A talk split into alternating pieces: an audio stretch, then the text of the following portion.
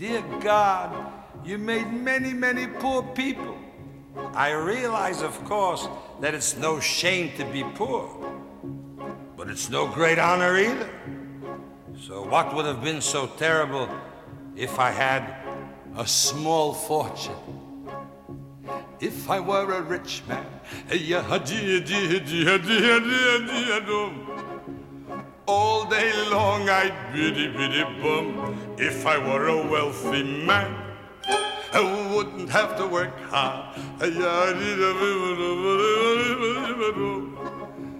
If I were a bitty bitty rich, idle diddle diddle diddle man, I'd build a big tall house with rooms by the dozen right in the middle of the town. A fine tin roof with a real wooden floors below. There could be one long staircase just going up and one even longer coming down. And one more leading nowhere just for show. I'd fill my yard with chicks and turkeys and geese and ducks for the town to see and hear, squawking just as noisily as they can. And each loud will land like a trumpet on the ear, as if to say here lives a wealthy man. Oh, if I were a rich man, all day long I'd biddy biddy bum. If I were a wealthy man, I wouldn't have to work hard. If I were a bitty bitty rich, yiddle diddle diddle diddle man. I see my wife, my Goldie, looking like a rich man's wife with a proper double chin. Supervising meals to our heart's delight.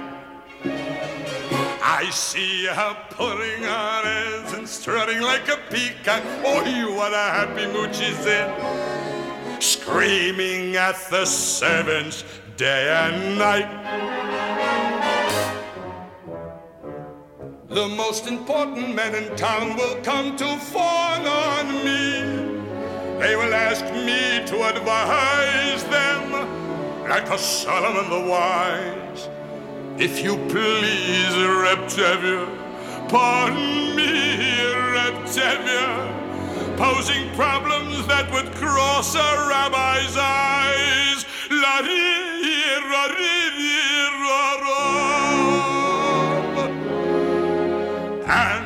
It won't make a one bit of difference if I answer right or wrong. When you're rich, they think you really know. If I were rich, I'd have the time that I lack to sit in a synagogue and pray, and maybe have a seat by the eastern wall. And I discuss the holy books with the learned men seven hours every day. That would be the sweetest thing of all. oh, if I were a rich man, I all day long I'd biddy bum. If I were a wealthy man, I wouldn't have to work hard.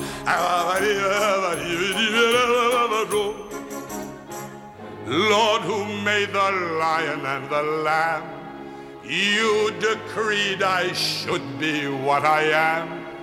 Would it spoil some vast eternal plan if I were a wealthy man?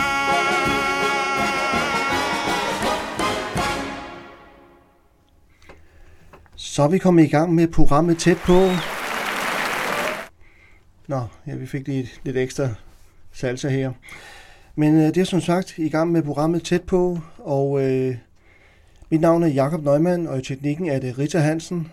Dagens gæst i dag er en kendt person, personlighed, både som skuespiller, forfatter, instruktør, komiker, musiker og som vinkender, og er født den 30. april 1942 i års. Ærede lytter, velkommen til Per Palsen.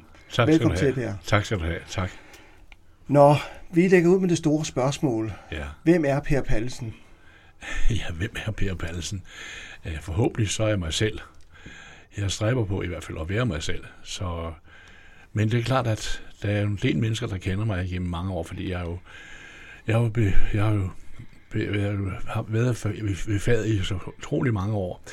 Jeg har nu været skuespiller, instruktør og teaterchef i snart 60 år, så en del har selvfølgelig stiftet bekendtskab med mig i forskellige retninger. Har du nyt hver evig eneste dag? Ja, det har jeg da. Altså, mi- mit store, mit store drøm, for- siden jeg var fem år, det var at blive skuespiller. Og, øh, jeg kan huske, at jeg sad på Års Hotel sammen med min mor og far, og så den skønne Helene med Viggo Brothagen og Astrid, Astrid Hansen i hovedrollerne. Og jeg var fem år, og jeg synes, det var fantastisk. Da tæppet gik op, så kom den her lys, de her folk, der kom ind i græske kostymer. Der var en duft for, op for scenen. Det er nok svedige kostymer og gamle sminke, jeg tro. Ja. Men der var en duft for scenen, der var et lys. Jeg var så fascineret af det billede, jeg så. Så da vi gik hjem fra hotellet, så sagde jeg til min mor og far, når jeg bliver stor, så vil jeg være skuespiller. Og jeg har aldrig nogensinde ville være andet. Du startede ikke som skuespiller, men du startede faktisk som sparekasseassistent. Ja, det var et vildskud, det må jeg sige. Det er nok de tre år og tre måneder, jeg har kedet mig mest i mit liv. Det er altså, det at få øh, indblik i andre folks økonomi, det er simpelthen så, så lidt spændende. Hvordan fandt du så frem til, at du ville blive skuespiller, når man tænker på, at du var sparekasseassistent? Jamen ved du hvad, det var da jeg kom ud af skolen, jeg har det, der hedder en præliminær eksamen, og jeg havde at gå i skole, det må jeg sige. Øh, men jeg, så skulle jeg give mig, til, give mig til noget fornuftigt, man skulle have noget at falde tilbage på. Øh, jeg kunne ikke komme ind på elevskole som 16-årig. Så øh, jeg skulle så give mig til et eller andet. Og hvad skulle, hvad skulle det være? Jo, ja, det skulle være noget med, at man tjente mange penge, og noget, hvor man havde kort arbejdstid. Ja, Så det blev assistent i års, sparkassen for års og omegn. Kæft, hvor jeg kedede mig, mand. Men, øh, men så samtidig, så gik jeg på, øh, til, til, til øh, Inger Bakker på Aalborg Teater. Hun læste med mig. Inger Bakker er der sikkert ikke mange, der kan huske, men hvis man tænker på mor Karen i Livsens Ondskab, som Kjeld Markus, Kjeld Markus Lund mor hedder, Nå, mor Karen, nå, ja, som Kjeld Markus Lund lavede der. Den dame, der var hans mor, det var Inger Bakker. Hende læste hos, og så kom ind på elevskolen som 19-årig Ja. ja. på, på Aalborg Teater. du øh, startede der fra 1962 til 1966. Ja, på elevskolen på Aalborg Teater. Ja, Øh, jeg, var, jeg blev afbrudt sådan et år, var jeg var soldat på Langelandsgade kaserne i Aarhus, som P-eskorterer, permanent sit og kontortjeneste. Det var fandme også kedeligt, det kan jeg godt sige dig. Øh, men så blev jeg udstationeret på et tidspunkt, og det var bare så til Aalborg. Og det var fantastisk, så kunne jeg være på teateret samtidig, og være som maskinmand på teateret, så lærte jeg også den side af, af jobbet at kende. det er en meget god ting at lære lidt, lidt fag. Ja, kan men man det er så fint, så fint, så fint. Ja, du er også kendt fra Jørgen-revyen. Ja, det foregik på den måde, at øh, øh, Eddie Skoller ringede til mig i 1977. Han var chef. Tøger Olsen havde startet Jørgen Revyen i 73, og så døde Tøger, og så overtog Eddie Skoller revyen i 77. Og øh, så ringede han til mig i 78, om jeg kunne tænke mig at sætte forskning i scene, tage op og spille med, sammen med min derværende kone Kirsten Pøjlike. Og øh, jeg sagde, jamen det kunne da være spændende. Det... Og så overtog jeg selv revyen i 1979, fordi Eddie havde travlt med sin solokarriere. Øh, og så var jeg faktisk i Jørgen med nogle ganske få afbrydelser til 2005. Ja. Så jeg var, jeg var på Jørgen Revyen i næsten 25 år. Humor fra, fra Jørgen-revyen, den øh, vil man jo altid have, have med sig. Ja, Ja, det var, det var sjovt. Jeg, jeg fik jo en fast figur, ham der hedder Mathisen. Ja, Knud Conrad Ketty Ib Toscanini Ib Mathisen, det er hans fulde navn. Ham der sagde, ah, mit navn der Knud kommer, Ketty Ib Toscanini Ib Mathisen. Of the Ibundus, yes my boys. Ja, det var den rolle der, og den så har hængt ved mig lige siden. Og der var sådan her, da jeg havde lavet den i flere år, så tænkte jeg, nej, jeg må sgu også lave noget andet. Og så lavede jeg en monolog som en dage, også i Jørgen Og da jeg lavede den, folk de så på mig, som om jeg var åndssvag. Ikke? Og den gik over hjem. Det, det, var, det var noget værste lort, ikke? Så aften efter, så lavede jeg det som Mathisen, så gik den hjem med et brag. mm.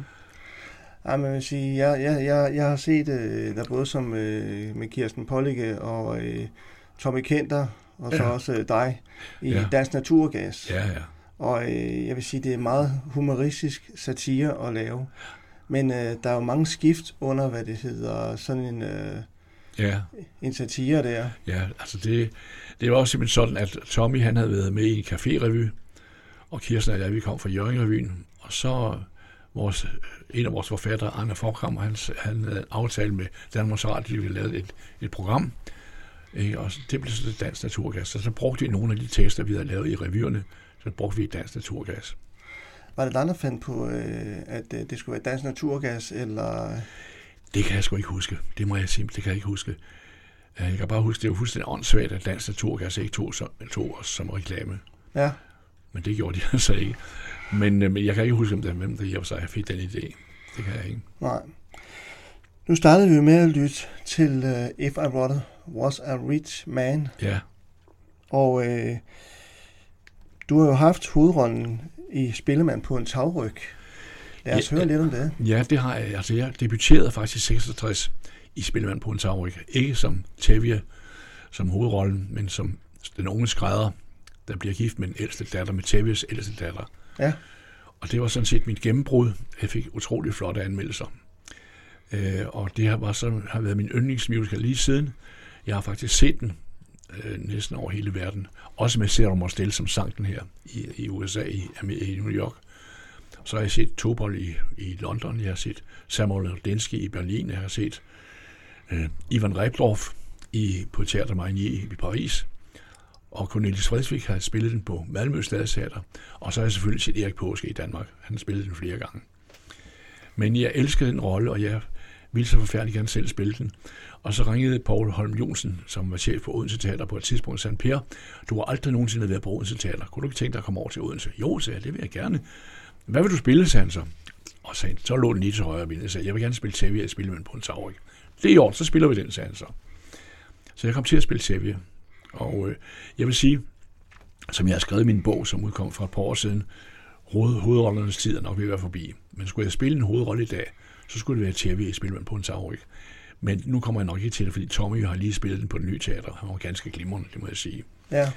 Så jeg vil sige, altså, når man når min alder på 78 år, så er hovedrollernes tid ved at være forbi. Så, men der er også gode, mange gode små roller. Og der er jo også tv, og der er jo fjernsyn, og fjernsyn, tv og fjernsyn, det sgu da det samme. Og så er der, Ja, ja. Så er der jo film. Så der er noget for, jeg har mange foredrag. Jeg har rigtig mange foredrag. Her i efteråret har jeg faktisk 22 foredrag rundt omkring i hele landet. Det er noget en portion. Ja, det er fint nok. Du kommer, du kommer lidt rundt omkring. Det gør jeg i hvert fald. Men du er opvokset i Aarhus. Ja. Hvordan øh, har det været? Og, altså, jeg ved ikke øh, direkte, hvor ligger Aarhus egentlig henne? Aarhus ligger i Himmerland. Det er Himmerlands største by. Hvis du trækker en linje mellem Lykstør og Hobro og Aalborg og Viborg, Ja, så krydser den lige Aarhus. okay. Så det, og det er, kan man sige, Himmerlands, Vesthimmerlands hovedstad den dag i dag. Ja.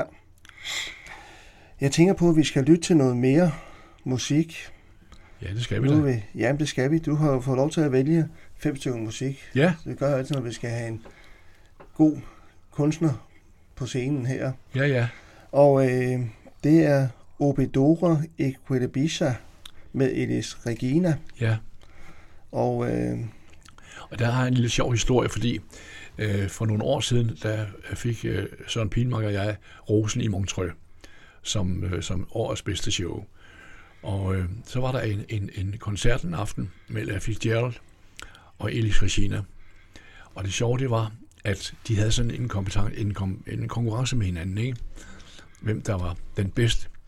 Og Ella Fitzgerald, som er jo en fantastisk jazzsangerinde, øh, hun havde så lomseklæde i, i den ene hånd, og kom Elle, Elle Regina af, indtil, eller Regina, hun kom til så, og så, og der oplevede øh, Ella Fitzgerald, at hun ikke kunne følge Regina til dørs.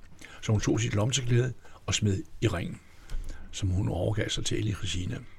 En fantastisk brasiliansk sangerinde, som desværre døde af en overdosis som, som meget ung.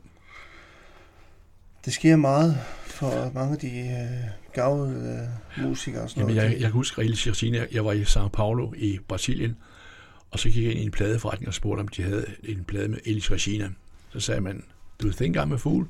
This way, this way, this room. Gik jeg ind i et værelse, der var kun plader med hende. Okay. Men hun døde som 38 år af overdosis. Ja, det er frygteligt. Ja, det var ikke, men hun er fantastisk. Ja, men øh, jeg tror, vi skal give vores rigtig gode teknikere til at give os noget dejlig musik.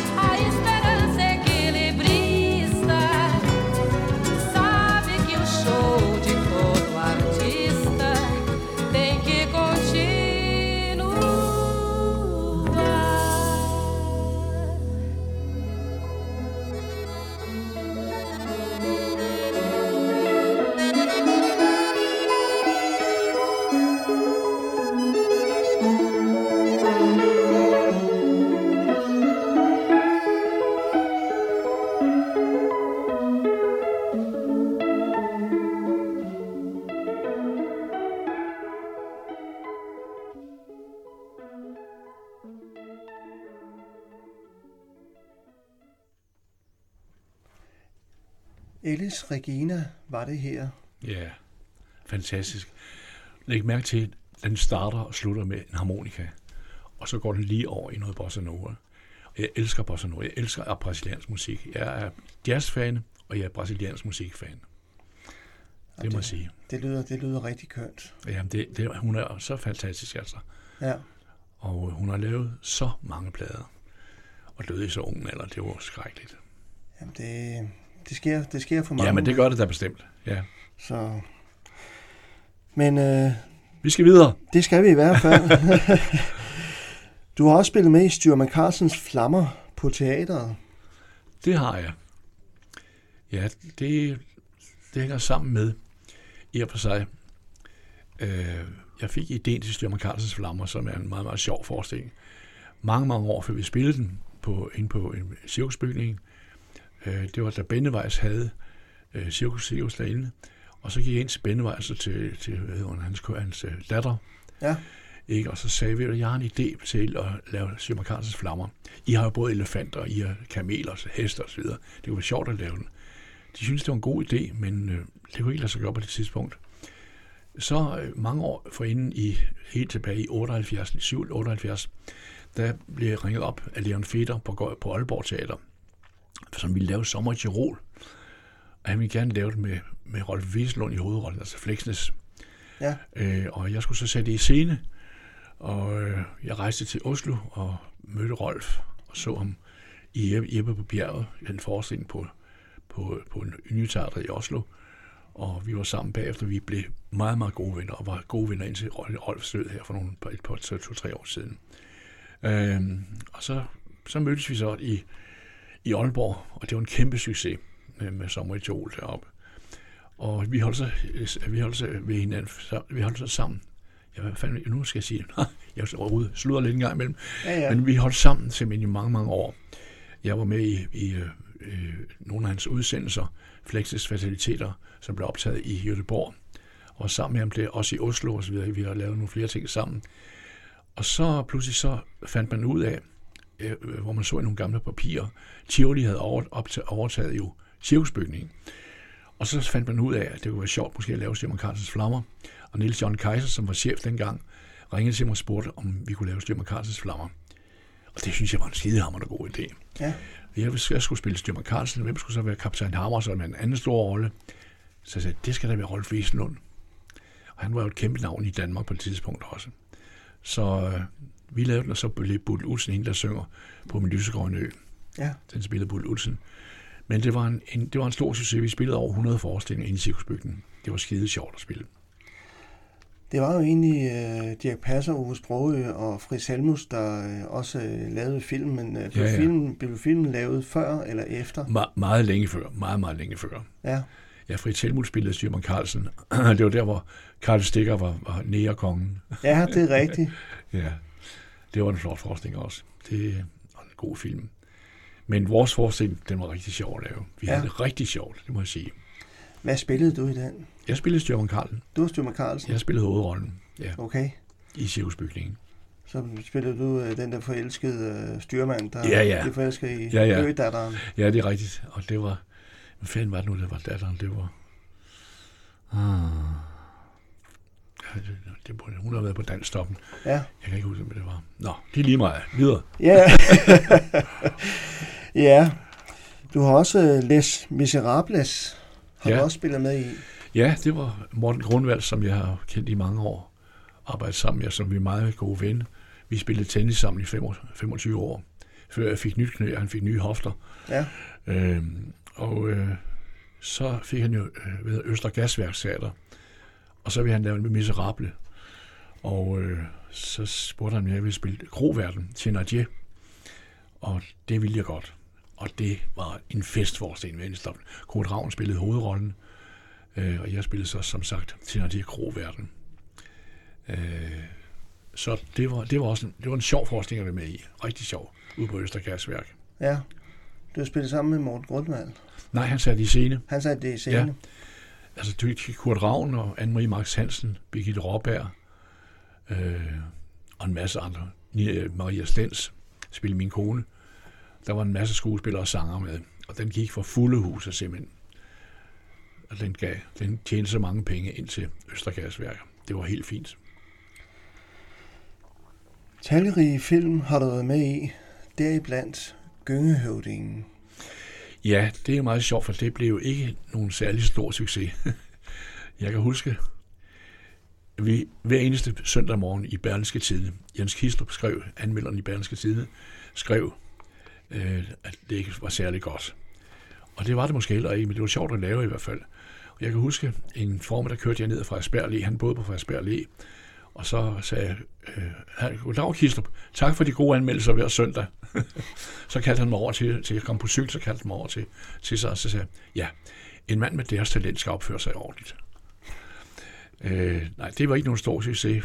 Det var egentlig mærkeligt, for historien er en fantastisk historie, og jeg var glad for at spille i Og Søren og jeg, vi var jo i sig parret i dansk øh, showbiz på det tidspunkt. Og det var oplagt at bruge også i de to roller. Men jeg ved ikke, det var meget kort afsnit på en halv time. Man nåede ikke rigtig i gang.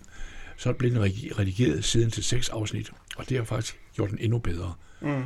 Eller gjort, gjort den bedre, vil jeg sige. Men øh, det var sjovt. Jeg husker for eksempel, der var en scene i slutningen af Gøngehøvdingen. Vi skulle ride ned mod et kamera, og så skulle jeg holde hesten til højre og ride over en kornmark, hvor der stod en masse korn. Og jeg skulle spore den her forbandede hest. Vi skulle ride i galop ind over kornmark. Jeg sporede den. Den ville kræfte kun gå i trav. Åndssvage hest, ikke? Og jeg redde det. Jeg, så jeg huggede hælen i. Kom nu for fanden, kom nu for fanden, ikke? Så fandt vi ud af, at det havde været en travhest på travbanen. Så den havde fået tæsk hver eneste gang, den skulle galopere. Den ville kun trave, det var der det var derfor. Den ville ikke, skulle ikke i galop. Den har ledet af trave hele sit liv. ja, men altså, det... heste er en god ting. Ja, det er det. Altså jeg vil sige, jeg har kun prøvet at ride på en fuldblods galophest. Der er altså fart på en gang imellem. Ja, men vi havde, det, vi havde nogle dejlige aftener, eller havde nogle dejlige øh, middage, søndagsmiddag, og øh, vi havde fri om søndagen måske, og så havde vi nogle morgener, hvor vi så når jeg, vi havde fri lidt, så red vi på hesten ude i skovene. Øh, kun også to i solskinnet, det var fantastisk. Ja. Hvordan var det egentlig, øh, at øh, skulle leve sig ind i sådan en rolle som Ibe Abelson? Ja, det var jo, det er ligesom alle andre roller, man læser. Man taler med instruktøren, man taler med sine medskuespillere, man læser manuskriptet, og så får man en indstilling til rollen. Og så bliver man så rettet til af instruktøren. Og så spiller man rollen. Det, det at være skuespiller, det er et ganske almindeligt arbejde, og det at spille en rolle er et ganske almindeligt arbejde. Ja, det må være et eventyr en gang imellem. Jamen det er det. Jeg har været igennem så mange eventyr i mit liv. Jeg har lavet så meget i mit liv. Jeg har jo været skuespiller, instruktør og teaterchef i 60 år. Jeg er 7 13, jeg har faktisk aldrig nogensinde været arbejdsløs. Og det er jo fantastisk i vores fag, hvor der er stor arbejdsløshedsprocent. Ja, det er der. Jeg husker, vi havde Ulf Pilgaard i studiet på et tidspunkt for, ja. for et par år siden. Ja, ja. Og han sagde også, at der er ikke job nok til dem, der kommer fra skuespillerskolen af. Nej, men det er, det, der kommer jo fem, ikke hvor mange, der kommer jo, der kommer jo 20-30 stykker eneste år, og det er ja. jo klart, der er ikke jobs nok. Og man, mange falder fra, det, det er sgu en skam, virkelig. Jeg vil sige, jeg vil ønske, altså det har altid været min drøm at blive skuespiller, men øh, jeg tror også, det må være et, et hårdt arbejde samtidig. Ved du hvad? Det er et hårdt arbejde. Øh, jeg må sige, ja, altså Paul Rømer sagde engang, ja, det er jo skuespiller, det er øh, 20% held og 20% øh, arbejde og 60% held. Ja. Jeg sagde det, sagde det rigtigt? Jamen, du sagde 20 procent held, og så, Nå, ja. altså, men der er også talent. Ja, ja, men talentet og heldet ikke, og arbejdet, det er de tre ting, der skal til. Ja. Jamen, det må og man, man må aldrig nogensinde være, være doven som skuespiller. Man skal hele tiden være på, på, på beatet. Ja. Helt klart. Altså man kan jo se nogle af de unge skuespillere, vi har, Sofie Lassen Kalke, Robert Hansen. Ja. Robert Hansen, han var jo så igennem en hjerteoperation, også i en ung alder. Ja, det var han jo. Så det var også frygteligt med ham. Jo, men det er stressende, og jeg har jo to piger, der begge to er skuespillere, og jeg har sagt til dem, da de ville være skuespillere, så sagde jeg, ved I hvad, I skal bare vide, at der er stor arbejdsløshed blandt skuespillere. Hvis det er det, jeg har lyst til, så skal I gøre det. Mm. Og det havde de begge to. Så min ældste datter, hun er jo, har lavet en hel masse. Min yngste datter har sit eget børneteater. Hun hedder Sofie, og min ældste datter hedder Trine, som man måske kender fra rejseholdet og, ja. og borgen og så videre. Men min yngste datter Sofie har sit eget børneteater, og jeg er meget glad for det. Hvordan fandt dine børn ud af, at de gerne ville være skuespillere? Øh, ved du hvad? Det lå ligesom i, i kortene. De kunne, de oplevede jo, at Kirsten og jeg var glade for at være skuespillere. Jo. Og Trine, hun, hun, det lå ligesom i korten, at hun ville blive skuespiller med det samme. Det var ikke så klart med Sofie, men Sofie, hun ville faktisk gerne være danser. Og hun tog til Frankrig og blev uddannet moderne danser i to år. Og derefter så tog hun hjem, og så gik hun til optagelsesprøve på Aarhus Teater. Hun fortalte ikke mig det. Nej. Hun ringede hjem der og sagde, hun, far, jeg kom ind som elev på Aarhus Teater. Og Trine gik også på Aarhus Teater som elev. Så de var stort set på teater elevskole sammen. Går dog forskellige årgange selvfølgelig, ikke? Men de har aldrig nogensinde fortrudt det, tror jeg. De trives ved det, og de har hele tiden noget at lave. Sofie har sit børneteater for øjeblikket, og Trine, hun arbejder på Nord Teater Nordkraft i Aalborg for øjeblikket. Ja. Jeg vil sige, jeg altid ønsker at møde din datter Trine. Det jeg godt forstå, hun er også en dejlig pige. Ja, det må man sige. Altså, ja. De gange, jeg har set hende i rejseholdet, det er, du... Det, Du kan spørge, om man ikke vil komme ned til dig Ja, det kunne jeg og lave selvfølgelig en gøre. udsendelse. Det kan du bare gøre. Ja, Du bare hilse for mig og sige, at hun skal. okay. Ja, Far siger. ja far siger ja. Ja. Nå, men øh, fru Christoph Mathisen, øh, hvor- hvordan øh, møder du Tommy Kenter en gang imellem? Ja, vi- møder faktisk hinanden ret ofte. Øh, men, og vi er meget, meget gode venner, selvfølgelig igennem mange år. Øh, øh, øh, Tommy debuterede i Nils Klims forunderlige rejse på Teater i mange i gamle dage, Ja. som Kasper Rostrup satte i scene, og hvor Jens Ocking og, og Fritz Helmut spillede hovedrollerne. Og Tommy var lige kommet fra elevskolen, og, øh, og jeg, jeg havde været skuespiller nogle ganske få år, og vi fandt sammen med det samme, og fandt ud af, fandt ud af at vi ville lave noget sammen på et tidspunkt. Og det gjorde vi så, da vi lavede en dansk naturgas. Ja.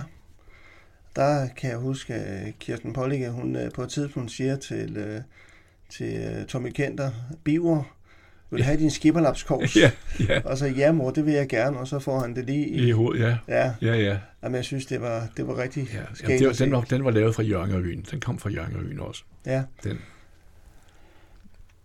ja, du holder også mange foredrag om vin. Ja, altså, vin er min store hobby ved siden af mit arbejde. Og jeg er medlem af flere vinorganisationer over hele verden, og jeg rejser over hele verden og smagt og drukket vin. Og jeg har skrevet flere bøger om vin. Øh, det er jo, altså vin er en levende ting, øh, så det er, jeg synes det er livgivende. Der er ikke noget så skønt som et godt glas vin. Så, så derfor, det interesserer mig meget. Hvordan fik du interessen for det? Øh, jo, det er meget sjovt, fordi der skal man helt tilbage til 1962-63, øh, og der havde vi en, en købmand i samme bygning som Aalborg Teater, som hed købmand Larsen. Ja. Og han var Vendelbo, han hed købmand Larsen. Det var Vendelbo.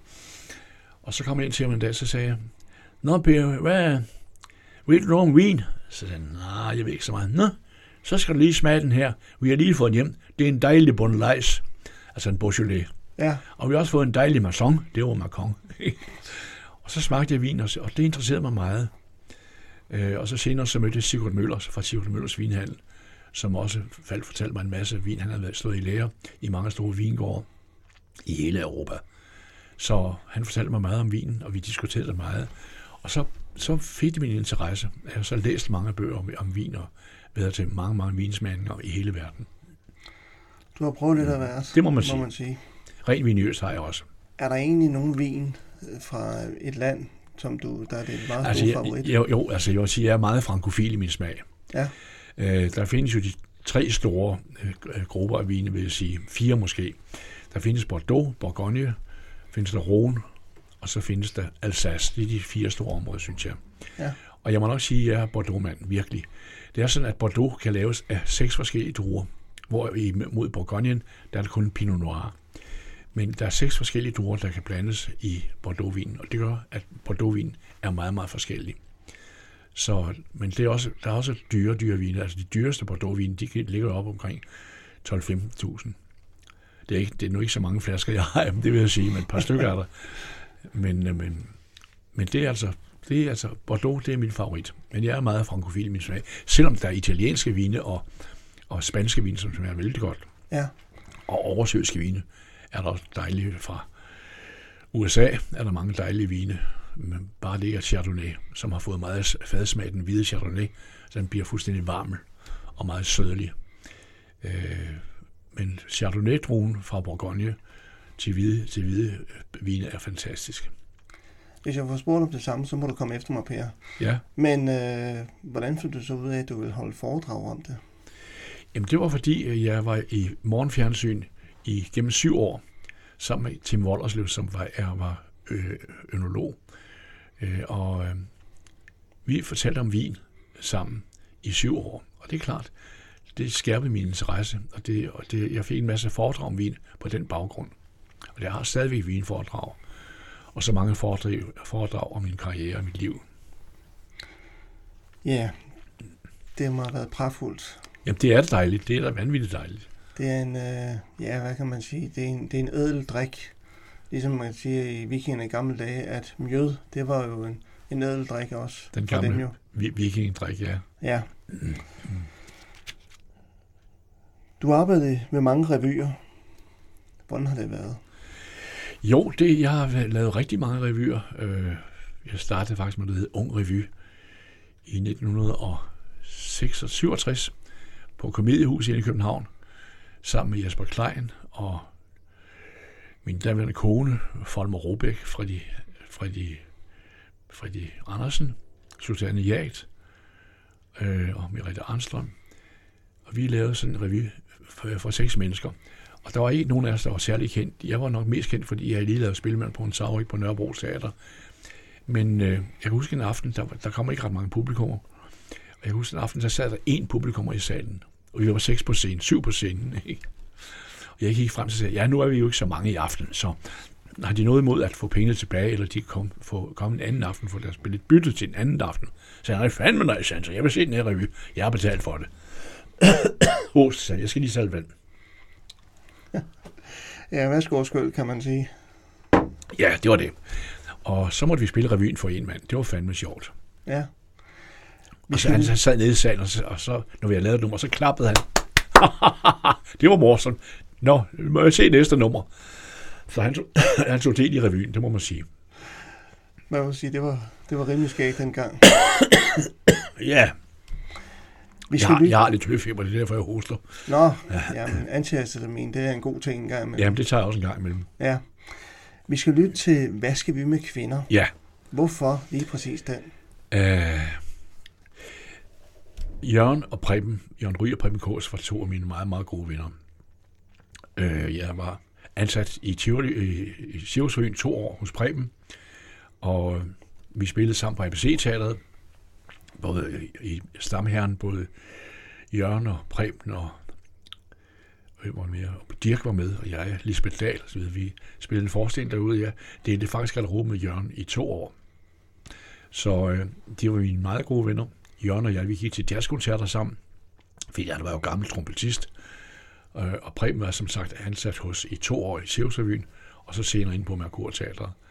Og vi var meget, meget gode venner. Jeg mødte Preben Kås en musical, som han lavede på det nye teater. Det hed Piger til Søs, hvor jeg spillede hovedrollen. Det var første gang, jeg mødte Preben. Så, Ja, men ved du hvad? Vi skal lytte lidt til den. og det er jo også en bossa nova. Ja, Ja. ja. det er dejligt. Ja.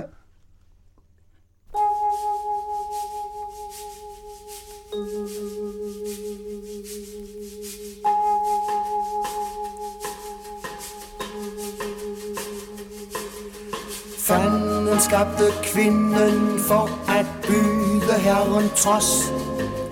Fanden tag den fanden, det gik kun ud over os. Hvad skal vi med kvinder, de vil altid bare slås. Hvad skal vi med kvinder, de vil kun bedrage os. Hvad skal vi med kvinder, de er altid til besvær. Skal vi med kvinder, de vil altid kun have mænd. Hvad skal vi med kvinder, de er fulde af begær. Hvad skal vi med kvinder, der er ingen hjemme dag. Den lille ting, de mangler, men som gør den store forskel, den har manden, det er forstanden. Kvinden regner med, vi altid regner rundt og tænker på det andet, som ligger landet. Men nu har vi begge lukket for det varme vand. Det er slut med kvinder, vi skal vise, at vi kan. Vi vil trodse kvinden, vi bliver ved til sidste tand. Nu vil vi bevise, at en mand kan være en mand.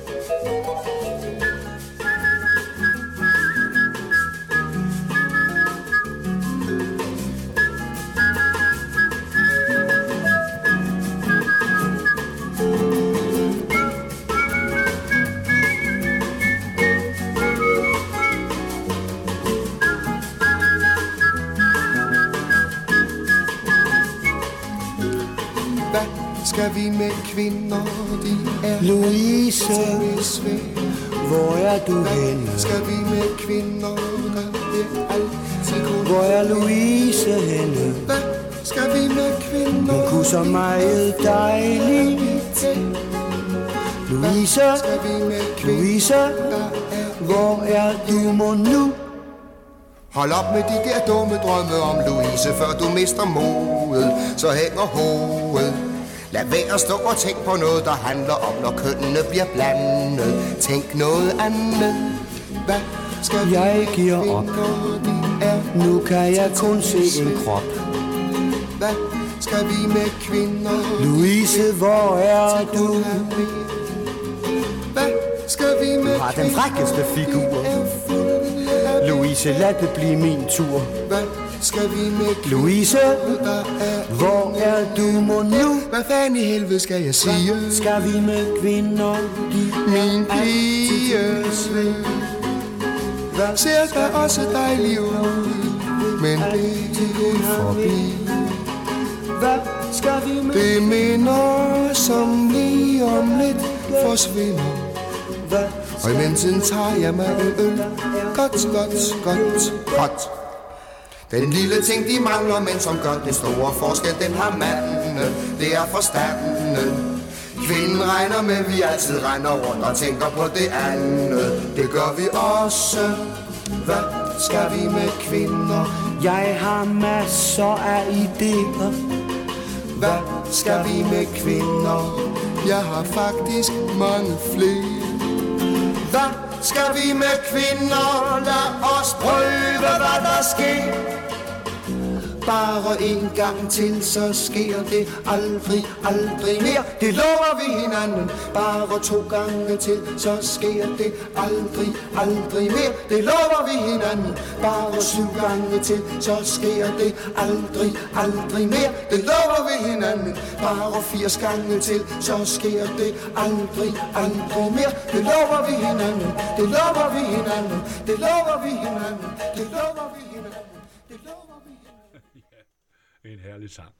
Og Det det, er er, det, meget, mand. det er meget sjovt, fordi Preben han skrev faktisk den tekst på en time. Jamen, det er jo helt vildt.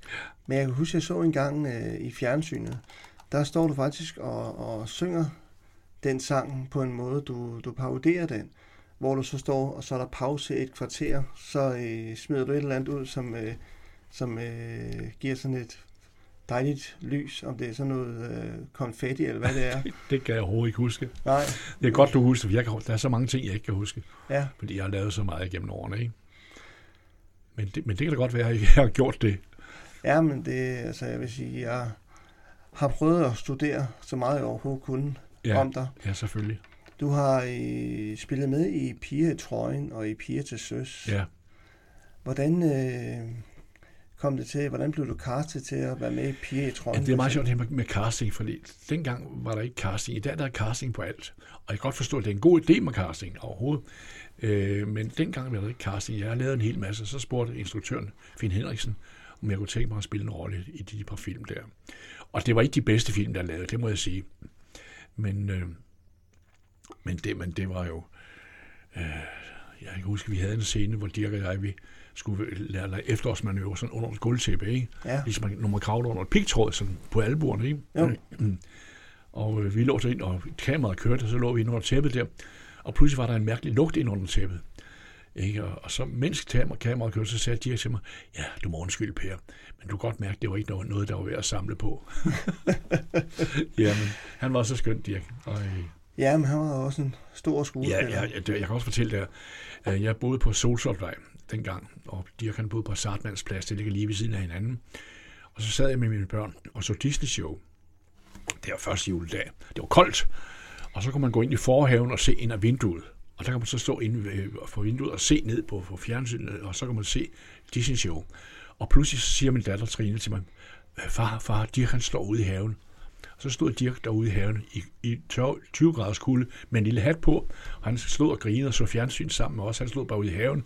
Og da, han så, da så, udsendelsen var færdig, så løftede han bare på hatten, som om han ville sige tak. Og så har vi aldrig talt om det siden. Mere vand. Mere vand. Mere vand, ja. Vand, det er en god ting, men vin, det er bedre. Ja, Der er bedre smag i det. ja, det må man sige. Men vand er også godt. Jeg elsker vand. Ja, men det er en god ting. Ja, Det er både godt at svømme i og godt at drikke. ja. Men der kan være forskel på vand nogle gange. ja det kan jeg da bestemt. Så, nå, men øh, hvordan bærer man sig egentlig ad med at holde masken, når det er, at man øh, laver noget skuespil? Det er fandme også svært, det kan jeg godt sige dig. Altså, vi kender alle sammen det her med, at man ikke kan, kan holde op med at grine. Og jeg kan huske en gang, vi spillede Høfeber ind på den nye teater. Og Susse Vold og jeg, vi havde en scene sammen. Øh, og jeg skulle, hun skulle spørge mig, hvad klokken var. Ja, Og så havde jeg så et, havde et, et, et ur, det et, nogle karver, det, er- det er noget, der foregår i 30'erne, så jeg havde et lommeur i min vestelomme. Og så skulle jeg tage uret op, og så pludselig så kom jeg til at jeg har glemt uret, jeg har glemt uret. Og så tog jeg uret, ligesom imaginært tog uret, uret op og, og holdt det i min hulehånd. Ikke? Og så sagde jeg, åh, den er 15 over 7. Så, og så, så kunne Susie med det samme se, at jeg ikke havde noget ur. Så åh, oh, må jeg se uret, må jeg se uret, må jeg se uret? Nej, det er hemmeligt. Mit ur er hemmeligt, sagde jeg så, og lagde det ned i lommen, så jeg lagde det i lommen igen. Og, så, og der kom vi sådan til at grine. Og vi døde begge to af grin. Og det er sådan, når man så kommer til at dø af grin, så får skjule, så, så, så, så ligesom om man græder og siger, nej. Så, så, så ligesom om man græder, og så kan, kan det hjælpe igennem en, hjem, en, ind igennem en scene. Det er noget mærkeligt noget, altså, men sådan er det bare, men altså, man har da prøvet at, at grine mange gange på scenen. Det er altså ikke lovligt. På den anden side, altså jeg vil sige, på ABC-teatret, der forventede man, at der skete noget, noget specielt på scenen. Og der måtte man godt grine. Og man grinede med publikum. ja, Fordi der skete noget specielt. Sådan var ABC-teatret jo indrettet dengang. Stig Lom havde teatret, og Preben Kås havde teatret, Claus Page. Så øh, men det med at grine på scenen, det kan man ikke undgå på et tidspunkt, men det er lidt forbudt. I dag sker det ikke så meget, som det gjorde i gamle dage. Øh, Jeg kan huske, vi spillede, jeg spillede Morten Skov mod sit Dyrene i Hakkebakkeskoven for mange, mange år siden på Nørrebro Teater. Og der Folmer Rubæk, som var- var min elevkammerat, han var spillet bagerdreng. Og så på et tidspunkt, man laver meget gas med hinanden. Og så på et tidspunkt, så skal han tage en, en bæreplade ud af en ovn, så skal han sige, se bæremester Harpus, 30 fine friskbagte peberkager. Og så havde jeg bare taget alle kagerne væk og lagt en stor stang vin og brød i stedet for. Og han stak den så sagde, se, øh, borgmester se, borgmester, bæremester Harpus, se her, 33 fine. Og så stod med en stang vin og brød i stedet for. Så døde vi også af grin. Det var eddermame sjovt. Men sådan Ja. practical jokes, det laver man med hinanden. jamen øh, gælder det om at på, på en eller anden måde at, at hylde hinanden ud af den? Nej, det gør, nej, det gør det ikke. Det er, det, er det er simpelthen det er ikke fair, Nej, og det er heller ikke lovligt, men man kan ikke undgå det efter så mange år. En gang imellem har man haft det meget sjovt. Altså jeg kan huske øh, mange år senere, mange, mange år senere, hvor Søren Pilmark og jeg, vi kommer jo nok ind på senere, ja, øh, vi skulle en tur til, til Hollywood og spille i Hollywood, øh, vores show derovre, og vi skulle så oversætte en tekst. Der var ikke ret meget tekst, men vi skulle oversætte en tekst, og det var så Ulrik Ravnbøl, der kom til at oversætte teksten. Og jeg boede på Bredgade dengang helt op på fjerde sal. Der var en elevator op til tredje, og så gik man op øh, den sidste øh, øh, etage op til fjerde. Og øh, så øh, ringede det på døren og sagde, det er Ulrik. Jeg har jeres tekst klar, drenge. Så sagde, det er godt, Ulrik. Øh, Du går op til tredje sal, og så øh, tager elevatoren til tredje sal, og så går op til fjerde sal. Jeg åbner døren, så kan du bare komme ind. Så sagde jeg til Søren, så er det nu, Søren. Jeg havde sådan en stort kinesisk rødt tæppe. Så sagde jeg til Søren, nu, tager det nu. Så smed vi alt tøjet og lå nøgne på ryggen på det her gu- røde tæppe med hinanden i hånden. Og Ulrik kan komme ind og sige, hej hej, sagde han så. Så så han også nede på tæppet og undskyld, forstyrrer jeg? det var en skøn. Det var fandme sjovt. Det er noget, det er noget, jeg tænker på tilbage på. Det var sgu sjovt. ja. Hvordan fandt du ud af, at du også havde et komisk talent? Øh, jeg tror i og for sig... Øh, øh, jamen, det har selvfølgelig gennem, gennem revyerne også meget. Vi talte om det her med revyerne. Jeg, altså, det, jeg lavede revy der i 67, og så lavede jeg Rifferrevyen inde hos Morten i 72 på Bristol Music Teater. Og så i 73 og 74 var jeg i Tivoli hos Ole Stentoft. Og i 75 lavede jeg Ølkasserevyen med Jesper Klein og Kirsten Pøjlik og Lykke Nielsen i Haveselskabets Have. Det var en kæmpe succes. Vi havde udsolgt hver eneste aften. Ja. Og i 76 og 77, der var jeg i Cirkusrevyen. Og så var jeg i 78 i Jørgen og så fortsatte jeg med Jørgen. Så jeg har lavet, så jeg har lavet faktisk 40-45 revyer i mit liv. Som instruktør og som skuespiller. Ja. Du har spillet sammen med Susse Vold og med Lisbeth Dahl i Den Kroniske Uskyld. Ja, Var det ikke en uh, meget barsk film at spille? det var en meget barsk film. Min rolle var ikke særlig stor, det vil jeg sige. Jeg spillede jo par med Lisbeth Dahl. Vi var mand og kone der. Øh, men altså, jeg havde ganske få optagelser derude på Nordisk Film. Så det, det, det er ikke noget, jeg tænker tilbage på som noget fantastisk, jeg har lavet, det må jeg sige. Men det var sjovt at være med i i hvert fald. Ja. Nyhavns Glade Gutter. Er det noget, der siger dig noget? Ja, det er det da. Det var øh, lillebror, også øh, kendt som Karl Ottosen, der satte i scene. Ja. Og øh, jeg var sammen med Karl Ottosen ude på Nørrebro Teater i Spilmand på en Taurik, der i 67. Og så skulle han lave den her film med Karl Stegger og Dirk Passer, Paul Hagen, Paul Bundgaard, Ole Visborg, Budel Upsen, Budel Ussen, Preben Kås, øh, Arthur Jensen osv. Mm. Karl Stegger, jeg ved ikke, om jeg nævnte Karl. Jo. Men, og, men, øh, og så, og Vivi, jeg spillede sammen med Vivi Bak. Øh, jeg var den falske greve, øh, greve Horst von Flagen, Ja. som han hed. Det, det ved du bedre, end jeg gør. og jeg var sådan en rigtig skurk, der lagde alle damerne ned. Øh, det var meget sjovt at lave. Det vil sige, det... Og det... Der var en lillebror, han var en af mine meget gode venner, så Karl Ottesen, som jeg arbejdede meget sammen med. Og han spurgte, om jeg ville være med. Det var, det var ude på Novajs film, ude i Rigsby, den blev optaget. Ja. Øh, det var sjovt. Det var min første store rolle på film. Og jeg har vel spillet en 30 filmroller siden. Øh, også mange små roller. Det er ikke det, jeg har gjort mest i filmen. Det er mest fjernsyn og teater, jeg har lavet. Jo. Og shows. Skytten har du også været med i. Ja. Ja, Du har prøvet lidt barske film, må man sige. ja, skytten, ja, det var, var det Jens Ocking, der spillede hovedrollen. Det ja, var det det. var ham, der var skytten. Ja, og jeg, jeg spillede politimand sammen med Peter Sten. Og Ebbe Langberg. Ja. Ebbe Langberg, det er rigtigt, ja.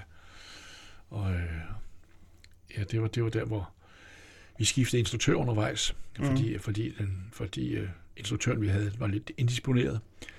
Og så Michael Salomon, som senere blev stor øh, fotograf i USA, og som var fotograf for den her film, han overtog så øh, hvad hedder det, instruktionen sammen med Tom Hedegaard fra Nordisk Film. Ja. Så, så vi fik tre ugers længere optagelsestid end normalt. Men øh, det var også en af de sjove, sjove at lave, helt klart. Kan du egentlig huske, hvad den egentlig handlede om? Nej, det var noget med, med skytten ud. Det var noget med Bellerhøj. Ja, Han skulle skyde en fodboldspiller eller sådan noget. han skulle skyde Allan, uh, Allan Morten. Nej, jo. Allan Simonsen. Allan Simonsen, ja. Ikke Allan- Mortensen. Ikke. Mortensen. Nej. nej, nej. Det- det- det han skulle være skyde. Allan Simonsen, det er rigtigt. Ja, Og jeg kan ikke, han lå med sit kikkersigte et eller andet sted. Jeg kan Ja. ikke huske filmen øh, rigtigt. Du har nok set den, siden jeg har. Jeg, jeg har kun set den dengang. og jeg ved, han også skyder en, som øh, kommer ud fra en øjenklinik og står med et par briller, og så siger han, jeg kan se det ene, og nu kan jeg se, der ligger en mand. Jeg tror, han har et gevær, og i det samme, at han sagde, jeg tror, han har et gevær, så blev han skudt. Det kan jeg overhovedet ikke huske. Du husker, du har jo set en masse af de her film. Ikke? Jamen, jeg er Du, fascineret. du kan dem alle sammen. Det er utroligt. Jamen, det kan jeg. Du kan dem bedre, jeg kan i hvert fald. Helt sikkert. Jamen, jeg kan huske, jeg kan huske blandt andet, at øh, Dirk Passer, han siger til det, at vi skal bare have lidt, lidt mm, jeg, jeg kan ikke huske, hvad det var, at øh, vi skal have lidt gymnastik, Martinsen, og lidt opvarmning. Det var piger i trøjen så, ikke? Det var piger i trøjen, ja. Ja. Nå. Det kan jeg heller ikke huske. Nej, men der, nej, det var piger, det var piger til søs. Og det piger, når piger, der synes, okay. Ja, det er fordi, at han siger jo til dig, at, øh, at øh, du har ligget inde som soldat, og det er længe siden, men du har glemt det. Og så siger Dirk Passer til dig, mund, og så går der, så er der lige nogle andre replikker. Og lige så skal man, ser man så, at øh, du, øh, det er stakkels barn, eller ikke stakkels barn, men det barn, der sidder og kigger ved siden af. Ja. Hun, øh, han eller hun, jo det er, øh, det er en, en hund. Nå, okay. Ja, Ikke en hund, men en hund. ja, en hund. Det er en, det er en datter, Nå, okay. der. Men Ja, ja. Øh, der er du både under bordet, og du er op over bordet, og får sådan, sådan hele regimentsturen igennem. Det var det. Du husker, jeg kan slet overhovedet ikke huske det der. Overhovedet ikke huske det. Nej, Jeg må se filmen en gang. Har du den? jeg har den derhjemme. Nå, kunne jeg se låne den af dig? Jo, det skulle du velkommen til. Ja, det vi, kan godt. lave, vi kan lave en DVD-aften, Ja, det kan vi godt, ja. så kan vi se Pia i trøjen sammen. Ja, ja. Man ser ikke, øh, man ser ikke noget til dig i, øh, i toeren, Pia i trøjen. Nå, Der kan jeg ikke huske, øh, det er Claus Pag, der spiller med i den der. nå, okay. Så, øh, men sådan er det. Ja, ja. Uh, mange bøger inden for vin har du udgivet også. Ja. Du har også haft lejlighed i Rom, eller har du stadigvæk lejlighed Jeg har i en Rom? part af en lejlighed i Rom. Og så er jeg hus i Provence. Ja. Så og der, vi skulle have været nede i Provence nu her, men på grund af coronaen har vi ikke kunnet sætte ned, det er klart. Nej. Men så har vi haven derhjemme, og det er også dejligt med det her vejr. Ikke? Ja, jo, det er jo det. Hvordan, øh, hvor bor du egentlig henne i, i landet? Jeg bor i Trøjrød. Altså oppe ved Vedbæk. Ja, Der har vi et dejligt hus, min kone og jeg. ja. Det er et rigtig skønt sted også. Det er rigtig vidunderligt. Ja, jeg, jeg kom lige... Kom Det lige går ud ikke noget. Tag din tid. Ja, ja. Vi, er jo, vi har en masse tid nu. Vi har over en halv time. Vi skal også høre to mu- stykker musik mere, ikke? Det skal vi faktisk. Uh, for at jeg ligesom kan få pusten, så tror jeg, at vi tager... Øh, ja, hvad skal vi have? Honeysuckle Rose med Lester Young. Ja, Lad os høre lidt om den. ja. Er- Lester Young er en af mine... Han er tenorsaxofonist. Han er en af mine favoritter. Jeg elsker jazzmusik. Jeg har altid elsket jazzmusik. Jeg var den første i år, der købte en jazzplade med Stan- Kenton. Jeg var syv år. Jeg var den, der var ikke jazzmusik i år, det eksisterede overhovedet ikke. Men jeg var den første, der købte jazzmusik. Jeg købte den på udsalg. En gammel lakplade til 25 øre. Og, det var, og der, blandt andet så var der også noget med, med Lester Young. Det er den, vi skal høre nu. Ja, Ikke? den lytter vi til. Honeysuckle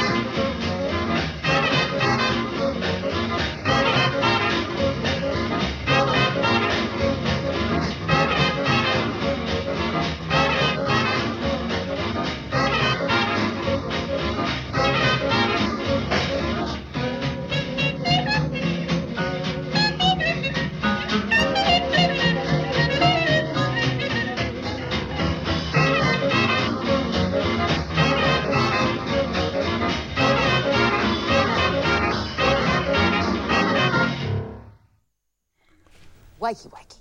We're opening. Yeah, man. Ja, så fik vi lyttet Ja, til den han er jo en fantastisk saxofonist. En, det swinger som ind i helvede, det må jeg sige. Det er så godt.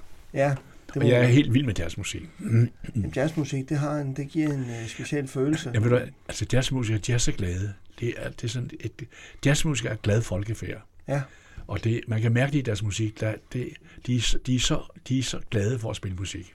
Og det mærker man helt tydeligt. det gør man i hvert fald. Du kender mange restauranter i Rom.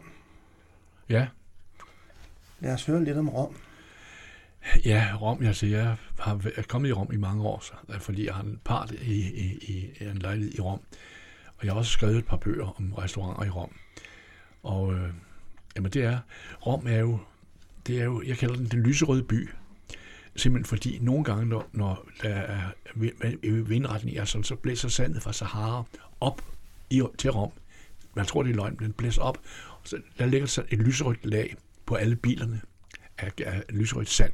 Ja, Så jeg kalder den den lyserøde by. Og Rom er en fantastisk by. Der er jo simpelthen så meget at se. Øh, og restauranterne, det er jo fantastisk. Der er så mange skønne restauranter. Der ligger, der ligger restauranter næsten ved siden af hinanden på hver hjørne. Og der er simpelthen så mange. Og der har jeg også skrevet om, at man skal, når man kommer til Rom, skal man ikke tage de der restauranter, hvor, hvor de står ude på gaden og agiterer for restauranten. Kom nu ind og spis her, det er den bedste restaurant i Rom. Man skal gå ned på de små sidegader og finde, finde de øh, restauranter, hvor mor og far står i køkkenet. Det er som regel de bedste restauranter. Ja. Ikke de der store, som, som lokker tilskuere til og slår med gæster til. nej, men det er jo det. Det er jo mere, hvad det hedder, finde det, der passer bedst. Jeg siger tilskuer, fordi det er noget med teater at gøre, Ja. i stedet for at sige gæster med gæster. Sådan lidt bare. Ja, Ja, ja, men videre, så- videre, videre. Videre, videre, videre, ja. Vi hopper der ud af. Ja. Øh, hvordan opstod selve den scene med dig og Søren Pilmark?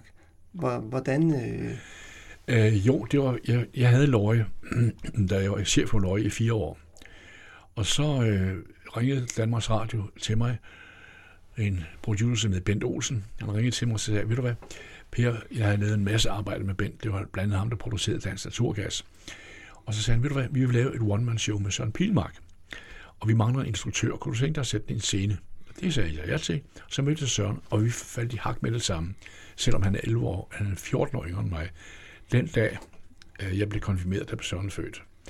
Så han er 14 år øh, yngre end mig. Og så vi faldt i hak med hinanden, og vi talte det samme sprog. Og jeg havde Løje, og vi havde noget, der hed 23 gæsten på Løje. Altså folk, der var optaget kl. 23. Og så siger jeg sådan, kunne du tænke dig at lave 23 gæster sammen med mig på Løje? Ja, det vil jeg gerne, sagde Søren. Og så satte vi os omkring et bord og brainstormede, og så skulle vi have en overskrift. Det skal være elegant, det skal være musikalsk, det skal være morsomt. Og elegant, det var, så vi fik kjoler og hvidt. Og det, det morsomme, det var så den akt, vi lavede.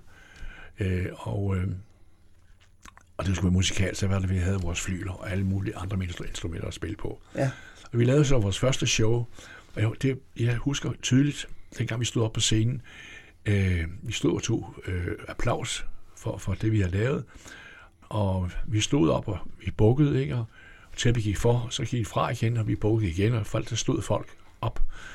Fjerde, tredje gang slog de op på stolen, fjerde gang var der nogen, der stod op på bordene. Og jeg kan huske, at teatermelder, at teatermelder Knud Sjønberg på Ekstrabladet råbte ned fra salen, det er et verdensnummer.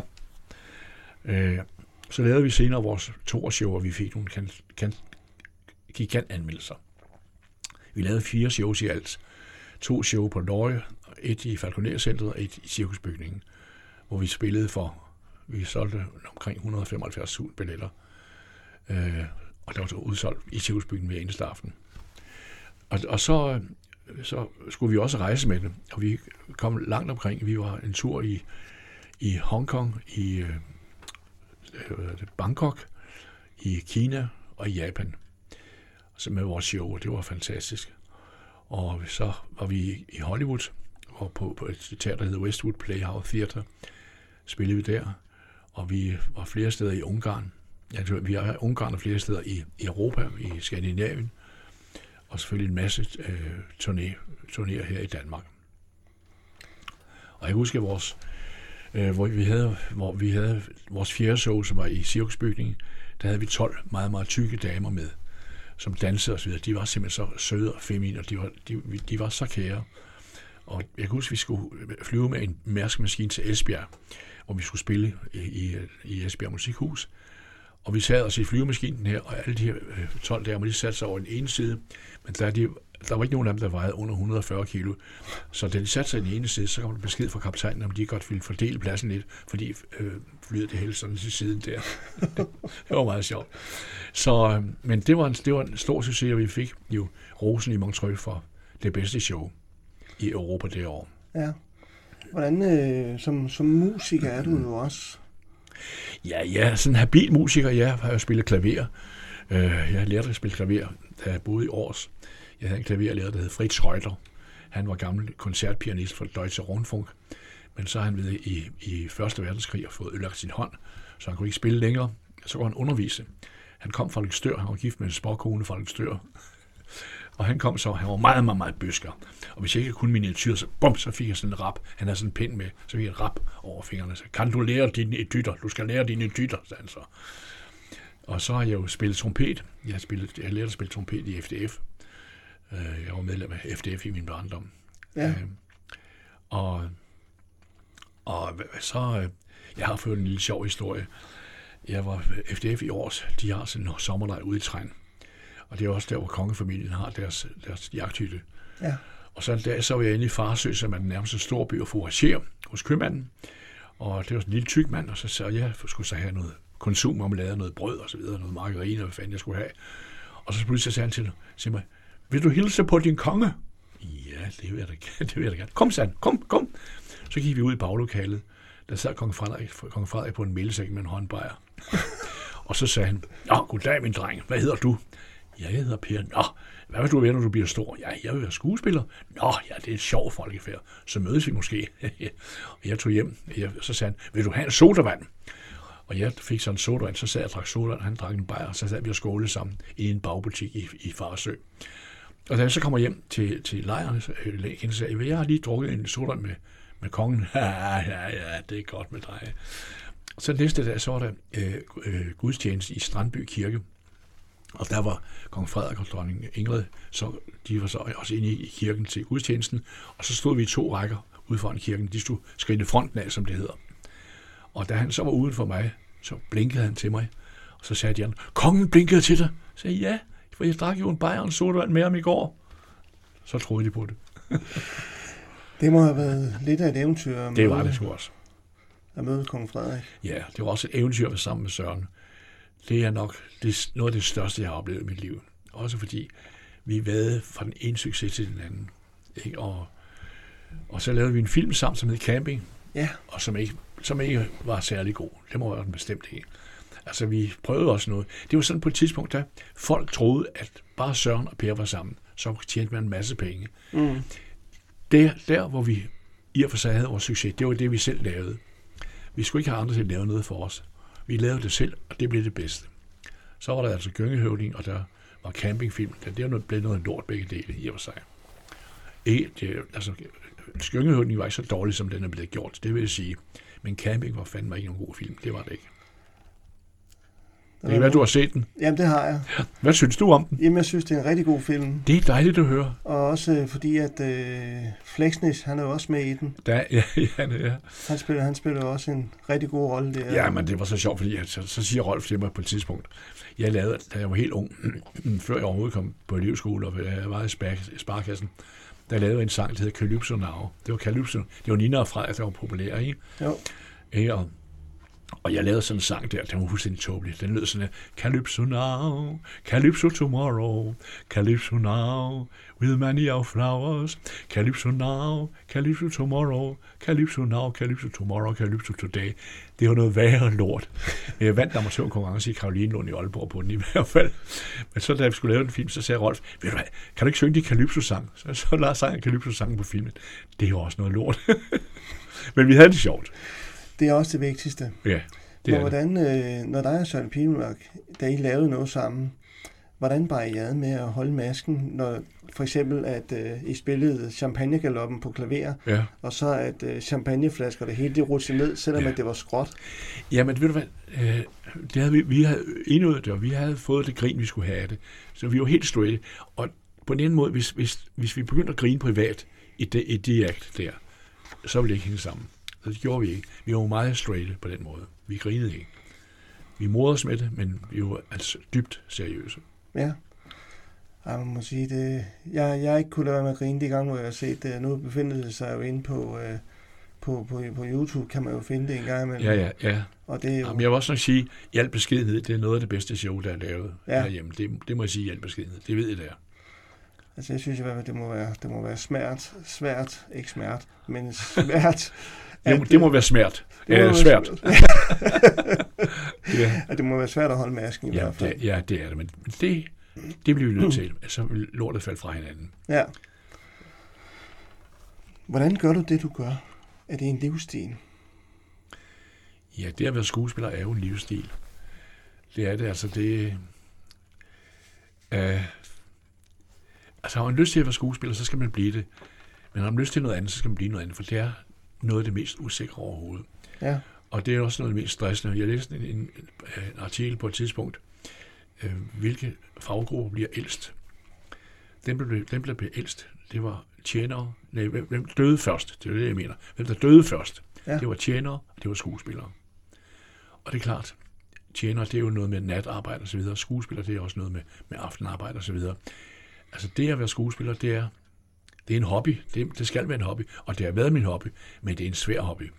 Og man skal ville det, ellers så bliver man der en. Nej. Du har spillet med i Matador, Det har jeg. faktisk i næsten, næsten samtlige afsnit. Ja, der er et par afsnit, jeg ikke var med. Ja. Men det, det var en stor oplevelse. Virkelig stor oplevelse. Øh, jeg var sammen med Arthur. Han var simpelthen så sød. Øh, og øh, og øh, Helle Kjeld Schmidt, Buster Larsen. Jeg kan huske en gang, så stod Buster og jeg, vi havde en scene alene sammen inde i jernbanerestauranten. Ja. Og så lå Kvik på bænken, og så rejste Kvik sig og gik hen og pissede i et hjørne. og jeg, pø, det må du ikke, Kvik, sagde jeg så. Og Buster han sagde, du tiger stille, Per. Hunden, det er min. Jeg skal nok opdrage den. Det var også sådan, at Kvik flyttede hjem til Buster i en periode, så de kunne lære hinanden at kende rigtig godt. Ja. Men det var en stor oplevelse at være med. Stor, stor oplevelse. Øh, jeg må sige, at Berlin var en fantastisk mand. Øh, på et tidspunkt en morgen, kan jeg huske, så havde vi en optagelse. Øh, jeg havde været på teateret om aftenen og kommet sent hjem og havde fået natmad og en bajerværsro. Og så kunne jeg kunne ikke min replik. Og jeg, og jeg kløjs i den hver eneste gang, jeg skulle sige den. Og så sagde Balling, ja, nu tror jeg, vi har meget høflig. Så sagde han, nu tror jeg, vi tager en lille pause. Undtagen dig, Per. Underforstået, gå ind på garderoben og lær dit lort. Han skældte bare ikke ud, men jeg kom tilbage efter et kvarter og kunne min replik. Ja. Men Balling, han var så forberedt. Det var en fantastisk oplevelse alle de år at være på Nordisk Film. Det var det virkelig. Det må have været fantastisk. Jamen, det var, det var et stort øjeblik for os alle sammen. Og vi kan også se, og der igen, i al beskedenhed må jeg sige, det er måske den bedste serie, der nogensinde er lavet i Danmark. Det vil jeg sige. Den bliver genudsendt mange gange i hvert fald. Jeg tror, vi har fået den genudsendt 7 eller 8 gange. Det Ja. har- ja. Men du øh, ryger en cigaret. ja. Jamen, det gør jeg. Hvordan? Øh, Jamen, det, jeg, og jeg, jeg ryger ikke. Jeg har aldrig nogensinde røget. Gør det stadigvæk ikke. Nej. Og jeg siger til Balling, da øh, jeg skulle stå med den her snade i munden hver eneste gang, ikke? jeg var på, på, på, på billedet, og så siger jeg til Erik, Erik, ved du hvad, jeg ryger jo ikke privat, må jeg ikke, kan jeg, skal jeg ryge hele tiden? Ja, sagde han. Severin Bolt er kæderyger, du skal ryge. Og så var der ikke mere snak om det. Nej. Ej, det må være sådan lidt underligt, når man ikke ryger, og så Ja, ja, jamen, det- bliver ja, tvunget det- til at det- skal ryge. Det er som at slikke, skal bære, det er ikke sjovt. Nej, jeg vil sige, jeg har selv været ryger i, øh, ja, hvad kan man sige, 10 år, Ja. og så valgte jeg at stoppe. Så Nå, okay, ja, ja. det, var, det var meget sundt. Ja, men vi skal have Lille Darling. Ja, lille, lille, lille det. Darling, ja, i Neil Hæftis arrangementer. Jeg synes, det er noget af basismusik, det er så smukt. Det er så smukt. Og Søren og jeg, vi brugte det som underlag i vores, en af vores shows, hvor vi sad havde nogle tryllesekvenser. Og der prøvede vi, prøvede, brugte, vi det. Vi sad og fløjtede lige og sig, mm. og brugte det, den der lille dejlige, som vi nu skal høre. Den lytter vi til.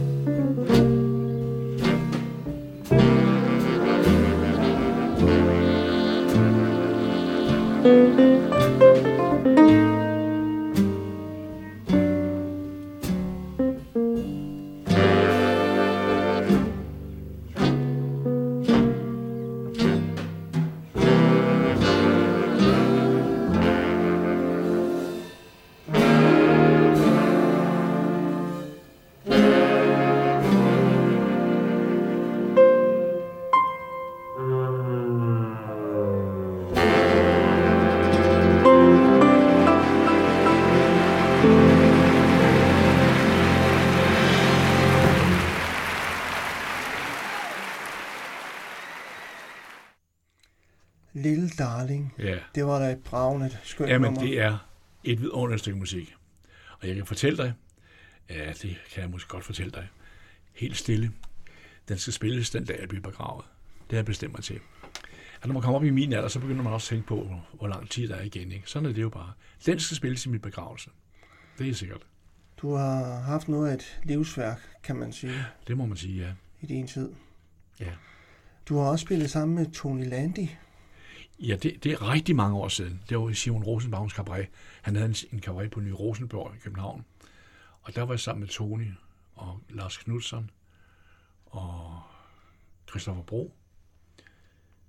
Og vi lavede så en, en, en cabaret sammen. Ja, Og Tony er en, en skøn fyr. rigtig dygtig Ja, absolut. tenorsanger. Jeg ved ikke, om det er, er det tenor, han er. Jo, han var tenor. Ja. Han er så Han, gift. han synger ikke så meget mere jo. Ja, desværre. Ja, Men øh, vi skal lytte til noget mere musik, ja det skal vi da. og det er faktisk det sidste nummer for i dag. Nå, jeg vil ja. Og det er Master of the House. Master, ja, den er fra Miserable, Ja, hvor jeg spillede Kroverden. Kroverden er en stor tyk mand med, øh, altså stod på bordet og sang, ikke? havde ikke en pløk i munden, ikke? man smænger sine tænder helt væk med, med, med tandlak, sort tandlak, som det hedder. Der stod jeg og sang, og jeg sang sammen med min datter, eller simpelthen min, min kone, som var Maria Stens, der spillede en rolle. Og det, jeg, jeg elskede at spille en rolle. Det var en skide sjov rolle. Jeg nød, jeg nød det hver eneste aften. Det var sjovt. ja. Og et fantastisk nummer. Det er jo en fantastisk musical, det er det. Det bliver nok et godt nummer. Jeg har ikke hørt det desværre. Men Så øh, hører du det nu. Det gør jeg i hvert fald.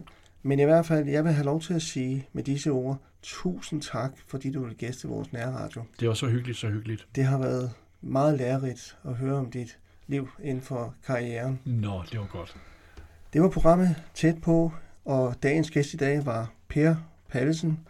Mit navn er Jakob Neumann, og i teknikken var det Rita Hansen. Vi slutter af med Master of the House. Tak for i dag.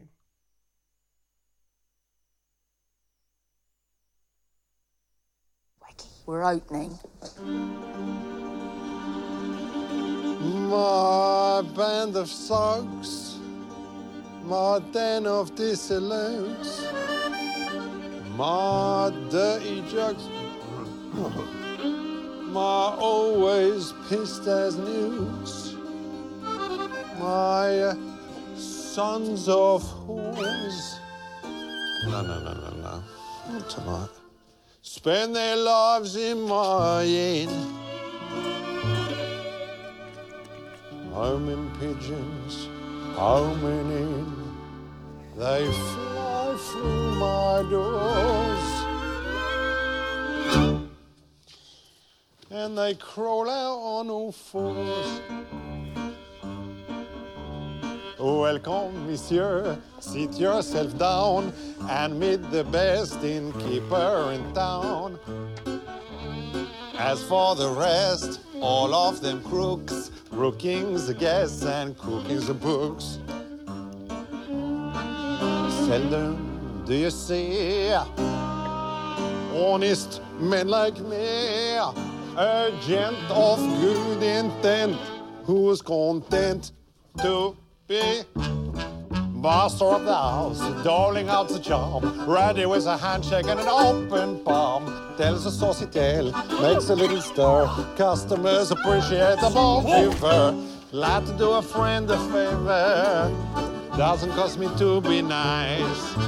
But nothing gets you nothing, everything has got a little price. Master of the house, keeper of the zoo, ready to relieve them of a sou or two. Ordering the wine, making up the weight, picking up their knickknacks when they can't see straight. Everybody loves a landlord, everybody's bosom friend. I do whatever pleases Jesus, well, I bleed him in the end. Master of the house, quick to catch your eye, never was a concert while you're passing by. Serving to the poor, brought to the great, coming of the lost and life no pain. Everybody's good chaperone. But lock up your valises, Jesus wanna skin it to the bone. Food beyond compare, food beyond belief. Mix it in a mince and pretend it's beef. Kidney of a horse, liver of a cat. Filling up the sausages with this and that. Presents are welcome. Right or sweet is occupied. Reasonable charges plus some little extras on the side. Oh, Santa! Charge 'em for the lice, extra for the mice. 2% for looking in the mirror twice. And over here a little slice, there a little cut. 3% for sleeping with the windows shut. When it comes to fixing prices, there are a lot of tricks I know. How it all increases, all those bits and pieces. Jesus, it's amazing how it grows. Oh, sorry, love.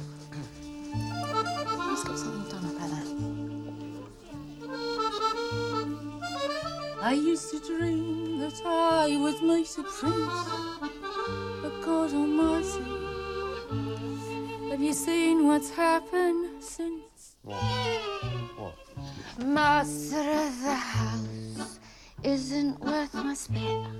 Comforter, philosopher, and lifelong shit. Cunning little brain, regular Voltaire. Thinks he's quite a lover, but there's not much there. What a cruel trick of nature.